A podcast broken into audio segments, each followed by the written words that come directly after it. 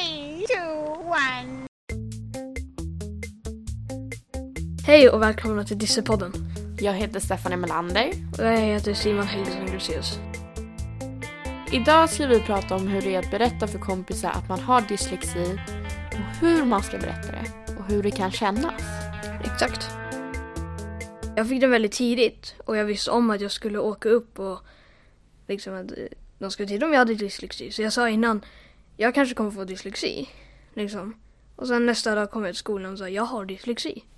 Så de fattade direkt. Du då Stephanie, hur är det? Jag ställde mig faktiskt framför klassen och berättade att jag har dyslexi.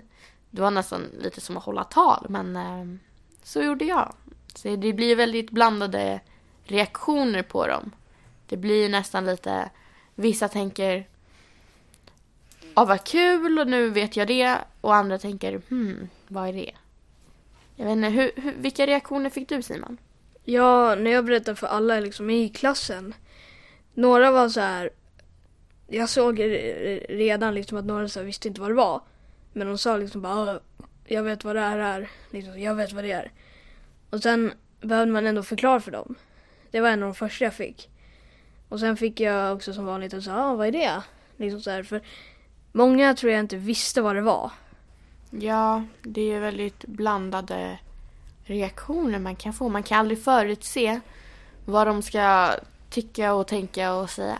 Mm. Det är många som dömer en. Eh, för de tror massor med saker Precis. om dyslexi. Precis, och det, det är därför det är väldigt viktigt att kunna berätta och när man väl berättar att man säger vad det innebär att vara dyslektiker.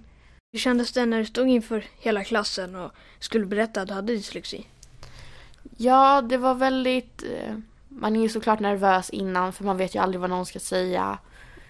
Man är ju väldigt rädd att de ska döma en. Men ehm, jag började faktiskt med att berätta att det finns någonting som heter dyslexi.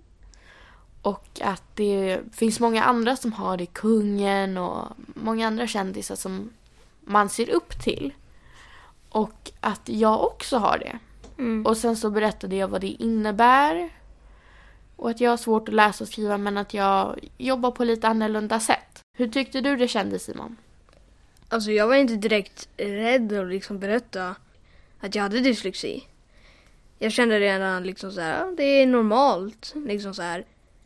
Eh, att det är många som har det. I min klass var det någon som hade det redan. Eh, så jag liksom så här, ja, då, det är inget konstigt. Det finns över hela världen.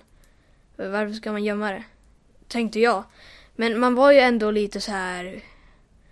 Man var väldigt Ja, man var väl ganska rädd, orolig för att folk skulle tycka saker. Ja, det håller jag verkligen med dig om. Sen när jag hade berättat för mina kompisar att jag hade dyslexi så hade de en väldigt positiv reaktion.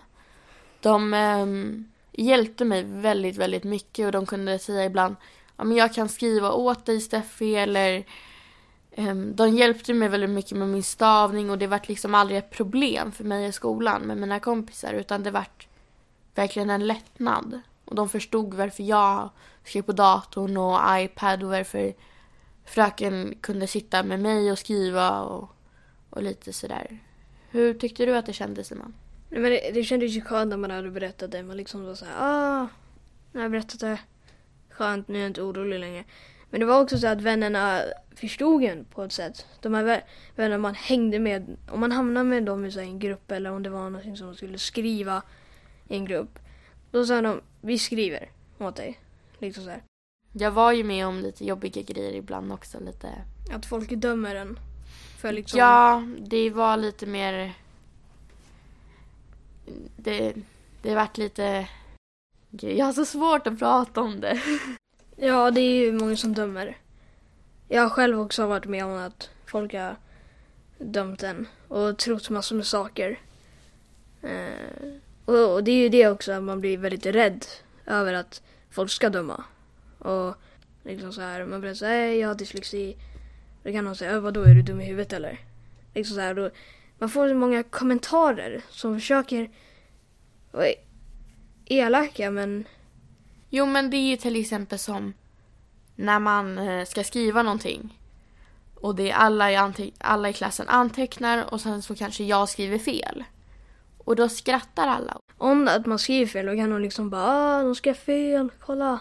Precis. Liksom man, man, blir, man blir väldigt orolig över det. Precis, jag tror nog väldigt mycket att det är så att när man, när det är så i en klass att det, de försöker få uppmärksamheten att kolla den här personen gör sån här fel så att vi kanske andra inte ser bristningar på någon annan. Mm. Utan att de påpekar det som syns på oss. Simon, hur tycker du att man ska tänka när någon säger någonting elakt till en? Om man kan. Då, jag har frågat flera gånger till en om någon har sagt den så här om min dyslexi. Du har sagt varför säger du det? Och när man, när man någon säger det då tycker jag man ska tänka att så här, jaha. Den, antingen vill den ha uppmärksamhet eller så försöker den skydda sig själv. På något sätt. Jag vet inte hur men på något sätt försöker den skydda sig själv. Den försöker liksom hålla sig ihop. Liksom, den vill vara på en slags sida. Jag vet inte hur jag ska förklara det direkt, men... Ja, men jag tycker man borde tänka bara att de är dumma i huvudet. Hej då med dem. Jag hänger med de här istället. Jag tycker lite likadant. Det är inte så lä- alltså det är lättare att säga en sak och, än att göra det. Och det är Mm. väldigt lätt att man säger, ja men tänk inte på det. De, som säger det är dumma, tänk inte på det. Men det är inte så lätt att göra det när, man, när det väl kommer till kritan. Mm. Så det, är ju, det blir ju... Det gäller att bara hålla sig stark och liksom tänka på att ja, men, de vet inte vad det är de pratar om riktigt. Mm. För mig har det ju varit väldigt mycket att det här att när man får bra betyg i skolan till exempel att de säger ja men det är för att du har dator. Mm. Och det är bara en dum kommentar som de säger. Precis. För att de, antingen fick de ett dåligt betyg och de blev kanske sura på sig själva och så bara vill de trycka ner någon annan. Precis. Och, och det är ju mer att jag har haft som förs- försvar att men du kan göra det här äh, utan problem. Men det kan inte jag. Mm. Jag har ju det här problemet med att läsa. Mm. Men det har inte du. Kan man känna igen kompisar när de inte berättar att de har dyslexi tycker du? Ja, det brukar vara så att de liksom så här ibland... Jag tycker man ser så här om någon tar fram en, kanske en dator någon gång eller en iPad om de har. Och så, nej jag vill inte ha den här. Och så kanske de sätter tillbaka den igen, liksom låter den vara, kanske sätter den i sitt skåp. Då kan man se liksom så att de vill gömma sin dyslexi. De vill inte att någon ska se den, kanske det. Jo, men det är väldigt mycket det här att man... Man vill gärna inte sätta sig längst fram i klassrummet och läraren säger kan du anteckna det här och, och kan du läsa det här och kan du göra det här? Mm. Utan det blir mer att man sätter sig lite längre bak och kanske sjunker ner på stolen och När en lärare kanske säger så här, ah, vad tycker du? Då vill man inte svara om man tycker så här. ja, precis Nej. när man ska ha läst tio sidor och sen vad tycker du om det här? Mm. Men det är också väldigt mycket den här att det går långsamt att anteckna och när man ska läsa tar det lite längre tid. Och Mm. tycker du att man ska göra för att få en dyslektiker att berätta för sina kompisar? Alltså, jag tycker man inte så går direkt i så här i korridoren om man står och så bara säger hej har du dyslexi? Jag bara veta, säkra mig på. Det kanske blir lite konstigt och liksom, liksom rakt på. Men när man sitter kanske i en grupp och så har svårt att liksom läsa eller skriva och det kanske inte vill skriva. Eh, då kan man ju kanske fråga så här, eh, bara, fråga, har du, bara fråga, har du dyslexi? Liksom så här. Ha, bara fråga så här, för då behöver du inte, så vi bara vet att du har det, så då vet vi att du behöver, du ska inte skriva. Och du behöver inte.